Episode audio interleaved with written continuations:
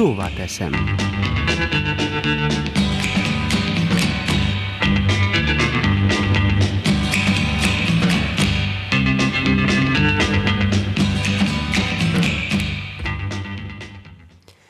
Az Európai Sporthéttel foglalkozott az elmúlt napokban a Moravidéki Magyar Rádió sport szerkesztősége is. Kint voltunk jó néhány sportegyesület nyílt napján. Megnéztük például a röplabdások, tollaslabdázók, judósok edzéseit. Beszélgettünk az edzőkkel, klubelnökökkel és magukkal a fiatal sportolókkal, rákérdezve, miért is választották az adott sportot, áldozzák fel szabad idejük egy részét, hogy edzésekre járjanak, holott könnyebb lenne az iskola után még jó néhány órát a számítógép, a tévé vagy a mobiltelefon előtt tölteni. Mert ugye a fiatalok manapság mást úgy sem tesznek, mint valamilyen képernyőbe bámulnak. Szerencsére ez azért nincs teljesen így, ezért köszönet jár mindazoknak, akik a legtöbb esetben szabad idejükben 8-10 óra a munka után és egyéb tevékenységek mellett a maradik idejüket arra szánják, hogy működjön egy sportegyesület.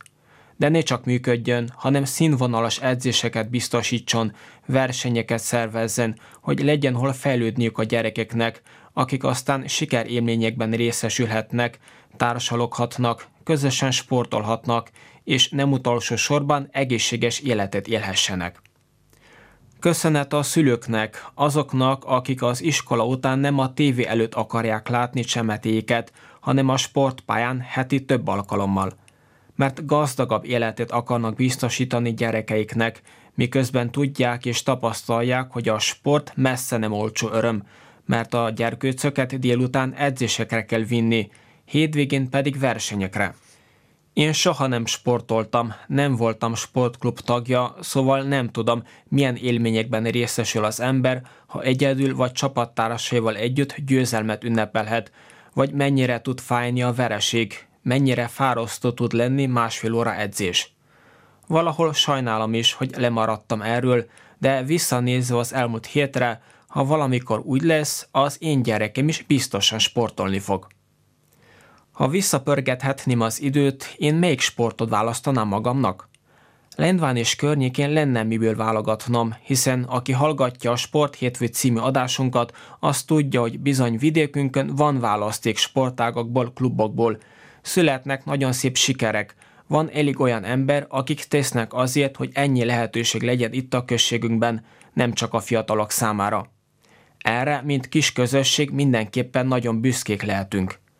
Reméljük, rövidesen elkészül a labdarúgó akadémia, és a nagy vágyok közt ott van a sportcsarnok, amely majd helyet ad oly sok sportágnak.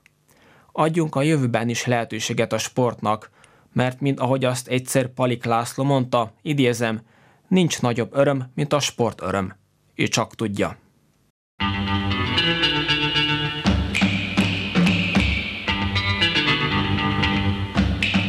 Szóvá teszem.